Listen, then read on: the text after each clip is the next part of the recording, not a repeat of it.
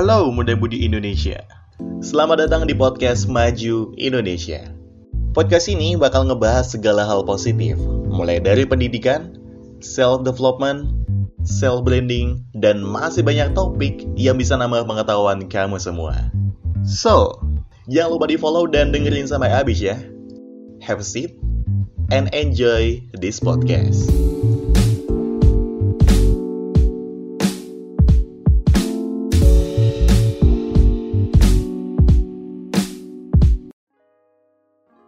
Muda-mudi Indonesia, ketemu lagi nih di podcast Maju Indonesia. Kali ini kita akan membahas suatu topik yang lagi hot, lagi hangat banget di dunia maya ini, yaitu Metaverse. Bersama narasumber spesial kami, yaitu Kak Fatiza. Halo Kak Fatiza. Halo. Dengan saya Asri Atailas sebagai host dan rekan saya Nathan. Halo. Oke, kita akan membahas nih mengenai metaverse. Sebelumnya, aku boleh tanya uh, Kak Fatiza, metaverse itu apa sih, Kak? Kalau metaverse ya itu kombinasi dari beberapa elemen teknologi termasuk virtual reality, augmented reality, dan video. Jadi kalian tahu nggak sih kayak uh, film Doraemon yang dia uh, ke dunia apa ya istilahnya ke dunia bukan dunia lain. Jatuhnya kayak kita berada di suatu tempat tapi kita pakai kacamata gitu. Nah nanti di kacamatanya itu kita bisa ngelihat kehidupan nyata yang sebenarnya. Kalau di misalnya kayak Stand By Me itu kan di filmnya itu kan kayak ada uh, kita bisa melihat masa depan tuh. Nah itu tuh kita kayak dilihat dari kacamata uh, yang uh, augmented reality itu dan kita bisa bertemu dengan orang-orang uh, secara uh, virtual tapi nggak berupa kayak fisik itu. Nah nanti kita bisa ngobrol di, di sana sih. Kalau misalnya kalian udah nonton Stand By Me itu. Oh bisa ngobrol di dunia Doraemon maksudnya kak? Iya jadi kayak uh, dia tuh bisa ngobrol uh, di dia tuh ngobrolnya lewat lewat secara online. Cuma nggak nggak apa ya seolah-olah dia mereka ketemunya tuh secara fisik gitu. Tapi lewat kacamata kita lewat alat bantunya gitu loh. Oh nah berarti tadi kakak kan pakai dunia Doraemon sebagai apa ya? Ibarat metaverse gitu uh -uh. ya kak. Kakak yeah. tahu gak sih di metaverse itu kita bisa beli apa sih itu kak? Kakak pernah dengar dengar gitu kak kalau misalnya beli uh, yang aku baca-baca ya uh, di metaverse itu ternyata kita bisa beli tanah. Jadi nanti uh, kita ada pokoknya ada alat yang namanya kita bisa menyambungkan uh, apa ya kita bisa membeli tanah itu nanti kita bisa transfer ke sana gitu loh. Jadi kayak kita punya lahan tanah dan bisa bangun uh, pembangunan di sana gitu. Oh, tapi hmm. semuanya berarti secara online ya kan Iya, semuanya secara online tapi seolah-olah seolah-olah kita tuh secara fisik gitu loh ketemunya hmm, mm, mm. terus uh, menurut kak Fatiza nih untuk orang tua atau anak-anak yang mungkin masih remaja nih kayak aku apa ini nggak terlalu mudah untuk ngerti hal-hal seperti ini? Kalau masalah itu orang tua sama anak-anak yang apa ya kayak mau belajar tentang metaverse itu kecepatan apa enggak? Kalau kata aku sih enggak nggak ini ya nggak terlalu cepat. Karena itu langkah yang bagus untuk kita mempersiapkan masa depan. Karena kan kita nggak tahu nih kita aja sekarang uh, udah kayak apa ya terlalu ter apa ya terlalu terlalu ter ini sama teknologi gitu. Jadi kayak jadi seolah-olah kita tuh kayak dipatahkan eh, sama teknologi gitu loh. Oke berarti jadi menurut kakak metaverse ini bisa untuk menjadi alat investasi kita yaitu anak muda untuk masa depan gitu ya? Iya betul, bisa jadi investasi. Nah itu di aku sendiri itu masih nggak nggak logis gitu kak. Gimana bisa jadi investasi gitu kan? Kita tinggal di dunia yang real gitu kak. Buat apa kita beli tanah misalnya tadi ya? Kita beli tanah di dunia metaverse.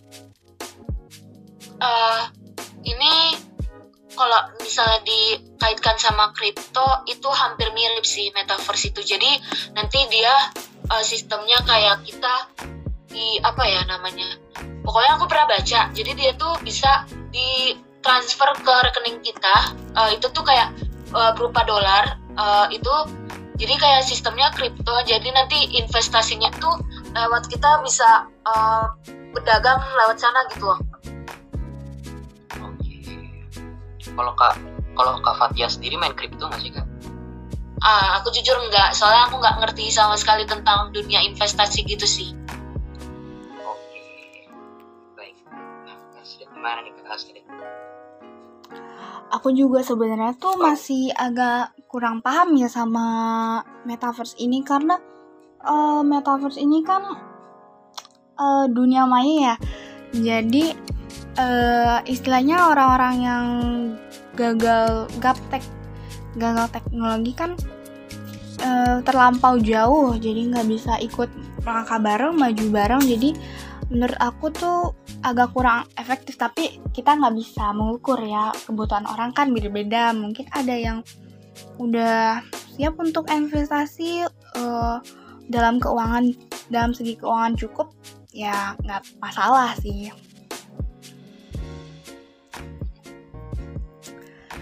terus uh, metaverse ini kalau menurut kak Fatia ini menguntungkan atau malah merugikan?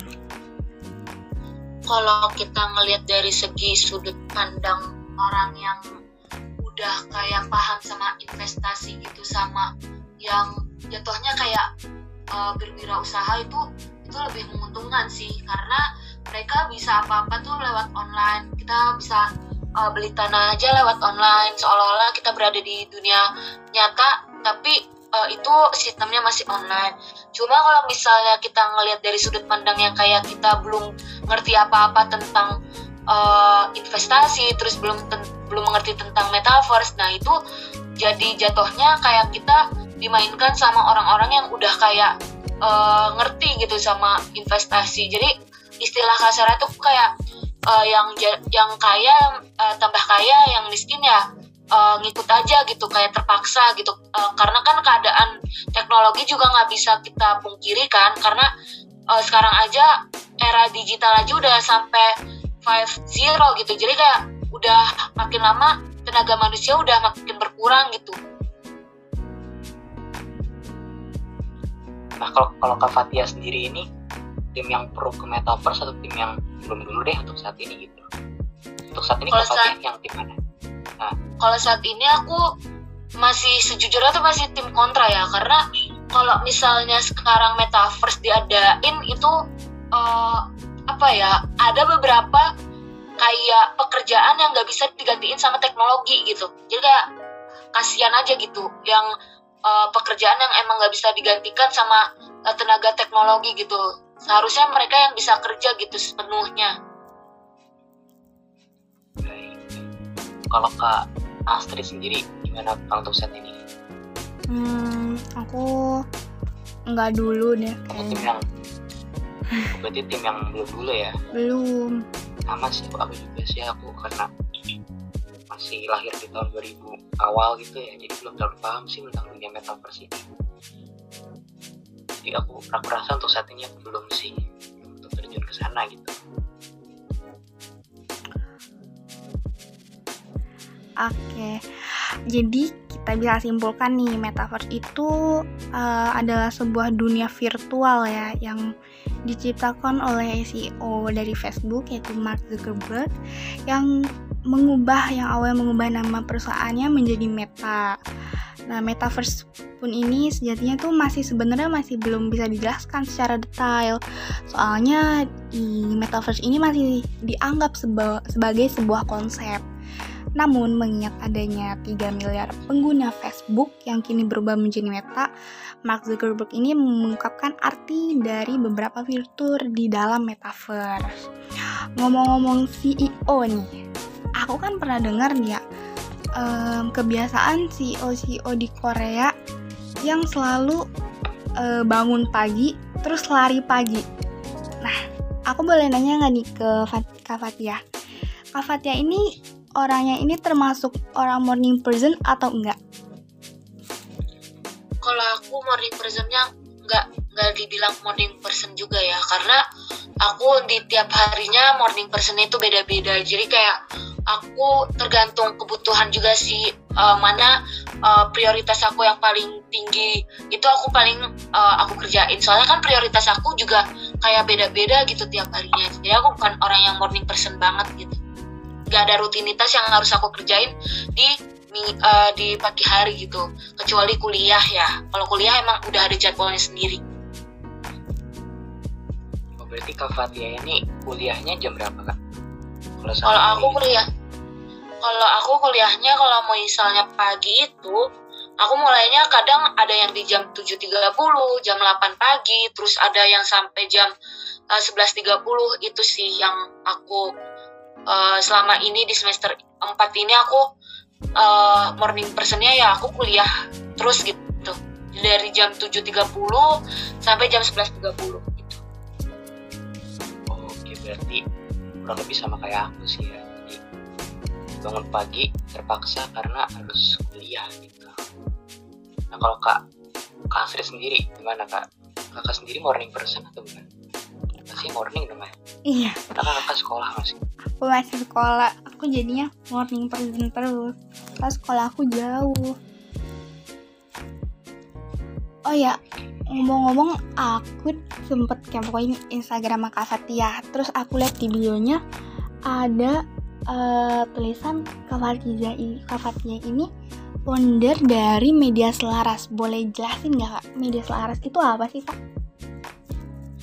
Nah untuk media selaras sendiri itu tuh komunitas online yang emang sifatnya tingkat nasional itu ngebahas isu-isu tentang isu pendidikan pendidikan, terus isu ekonomi, isu kesehatan dan isu lingkungan yang emang uh, kita diskusi bareng-bareng lewat webinar, kita ngundang narasumber yang hebat, terus kita uh, bikin training gitu untuk training internal, internal staffnya sendiri. Terus kita paling kayak kita saling uh, ngebahas isu-isu yang emang belum terpecahkan gitu. Misalnya kayak uh, di media selaras sendiri juga uh, punya tutor gitu. Jadi kayak kita ngebantu anak-anak yang mau uh, apa ya mau kuliah gitu. Kayak UTBK itu kita bantu. Terus kita juga melakukan penggalangan dana. Terus uh, kita juga kayak habis itu penggalangan dananya kita salurkan kepada orang-orang yang kurang mampu. Terus kita juga uh, bikin podcast. Terus kita juga bikin webinar yang emang uh, tentang pendidikan, terus kita tentang ekonomi dan tentang uh, perkembangan diri sih. Oke, jadi media selaras ini kurang lebih platform yang bergerak di bidang-bidang krusial gitu kayak pendidikan, kayak pendidikan, kesehatan, lingkungan, ekonomi gitu ya kayak. Iya betul. Dan tujuannya media selaras ini targetnya untuk kalangan usia berapa sih kak? Kalau targetnya sendiri media selaras itu dari umur 17 tahun sampai umur 23 tahun. Oke. Tapi nah, untuk yang Kak Fatia kan yang ini Kak Fatia yang yang membangun sendiri ya Kak. Media Kalau misalnya yang ngebangun itu sebenarnya ada ada dua ada 11 orang lagi. Tapi yang uh, apa ya untuk nama Bidaya Selaras ini yang dicetuskan tuh uh, secara voting gitu. Jadi kayak ada uh, rundingan gitu sama co-founder co-founder lainnya. Oke nah kakak dan 11 teman kakak itu ambil punya inisiatif membangun media selaras ini gara-gara apa sih kak? Inspirasinya apa membangun media selaras ini gitu? Karena uh, itu semua uh, berawal dari dari keminatan aku kan. Aku awalnya dulu tuh uh, bikin pollingan Instagram gitu. Aku aku brainstorming lah sama orang-orang yang aku pilih. Terus aku tanyain ke mereka satu-satu ada ide apa nih? Terus ada yang nyaranin buat kayak ide uh, bikin webinar. Karena mereka ng ngelihat ngepantau kalau misalnya generasi muda sekarang tuh kayak uh, apa ya kayak susah buat ngembangin dirinya. Makanya kita ngebangun platform itu untuk uh, apa ya membantu membantu um, generasi muda untuk mengembangkan dirinya. Jadi kayak kita nggak mandang uh, status kita nggak mandang kayak itu tuh bisa siapa aja yang ikut gitu. Oke nah media selaras ini aku lihat-lihat nih udah followersnya udah 2000-an lebih nih udah hampir 3000 Fatia ini selaku founder atau saya bilang co-founder punya nggak sih target followers gitu kak? Kalau target followers sendiri nggak? Kalau target followers itu nggak sendiri nggak ya? Karena uh, kita juga kayak uh, sifatnya nggak mandang itu, makanya kayak kita uh, sifatnya juga sukarela dan kita sukarela ngebantu orang-orang yang emang kurang mampu gitu kayak kita nge-branding uh, media selaras ini pakai cara-cara yang uh, bikin webinar gitu loh. Jadi ke depannya media selaras ada nggak uh, target yang ingin dicapai selain followers gitu? Kalau target yang ingin dicapai sebenarnya kita pengen kayak uh, bikin suatu apa ya yang istilahnya bisa jadi sponsorship orang-orang yang bisa ngebantu uh, acara-acara orang. Tapi karena kendala biaya juga jadi kayak belum bisa gitu. Oke. Nah Kasrit ini boleh nih kak. Apa? Kan kita maju Indonesia juga punya platform yang kurang lebih sama nih sama media selaras gitu bergerak di bidang pendidikan dan lain-lain dan kita targetnya juga kurang lebih anak muda ya kak Kasrit ya mm -hmm. jadi mungkin bisa kita ajak kerjasama nih kak ke depannya media selaras nih boleh nih kita okay. kita gitu banget tuh kerjasama lanjut kak oke okay. Terus kalau banyak tahu nih ada nggak sih tantangan terbesar yang kak Fatia lagi hadapi nih saat ini? Tantangan terbesar yang aku hadapin ya? Paling ini sih uh, time management aku. Karena aku ngerasa aku tuh eh, uh, 24 jam aja merasa kurang gitu. Apalagi dengan kegiatan aku yang cukup padat ya. Jadi kayak 24 jam itu kurang. Untuk istirahat juga kayak aku kepotong banyak gitu. Jadi makanya aku struggle-nya suka di time managementnya sih manajemen waktunya. Iya nih aku lihat di sosmed Kak Fatia ini sibuk banget ya Kak. Kakak ini jadi lim ketua di lima organisasi ya kalau nggak salah? Iya iya betul betul. Keren banget itu manage-nya. Manage waktunya gimana kak?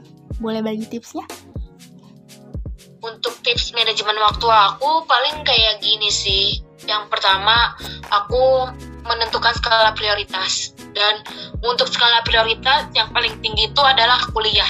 Kuliah aku taruh di uh, di nomor pertama.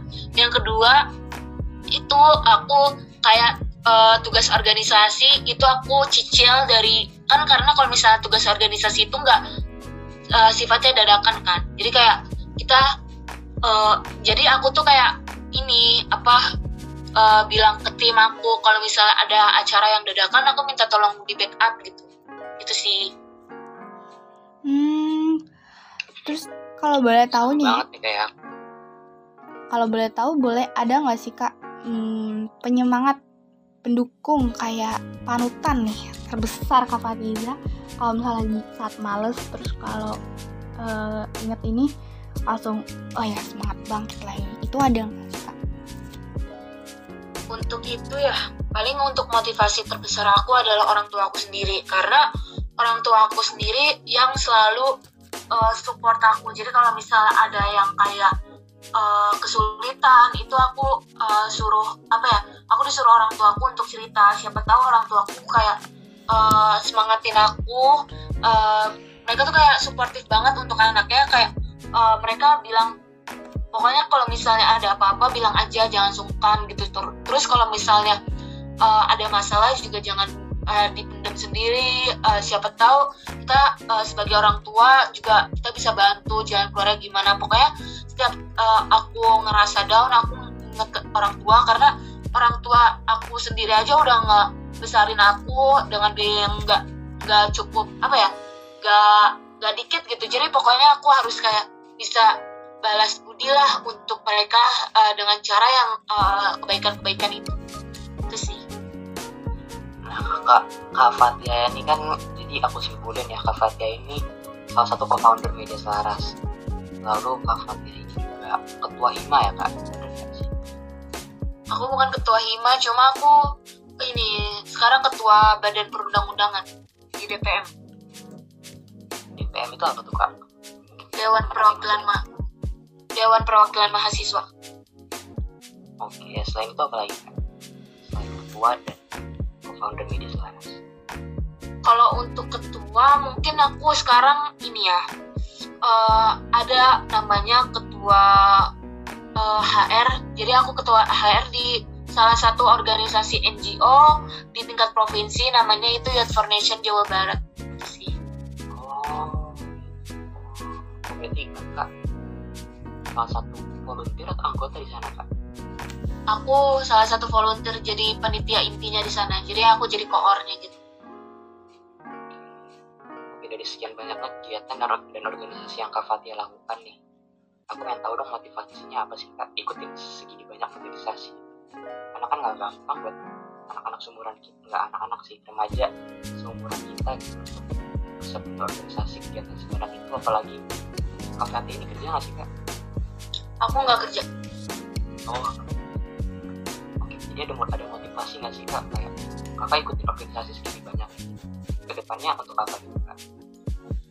Untuk motivasi paling aku cuma inget ini ya, kesuksesan itu nggak serta merta kayak kita nunggu hasilnya, tapi bagaimana kesuksesan itu kita raih dengan cara bagaimana usaha kita ke depannya gitu. Jadi kayak eh, pantang menyerah gitu untuk kesuksesan itu diraih itu dengan cara kita usaha dengan pantang menyerah. Jadi kayak kita eh, sebagai manusia juga harus eh, eh, apa ya sebaik-baiknya manusia kan juga Berusaha ya, Kak. orang lain. Jadi itu motivasi aku dan untuk tujuan aku paling untuk eh, bisa eh, menjadi kebermanfaatan buat eh, lingkungan aku terus buat bangsa dan negara sih paling itu untuk motivasinya. Wah ini kita udah kurang lebih hampir 30 menit kita ngobrol sama Kak Fatia. Kurang lebih kita udah banyak belajar dari Kak Fatia sendiri ya Kak. Iya. Oke, kita udah sampai di penghujung acara. Terima kasih ya teman-teman podcast Maju Indonesia yang setia mendengarkan dari awal sampai akhir. Semoga ilmu-ilmu yang diberikan dari Kak Fatih ini bisa memotivasi kita untuk bangkit dan semangat dan mewujudkan arti sukses menurut kita masing-masing. Dadah, salam maju Indonesia.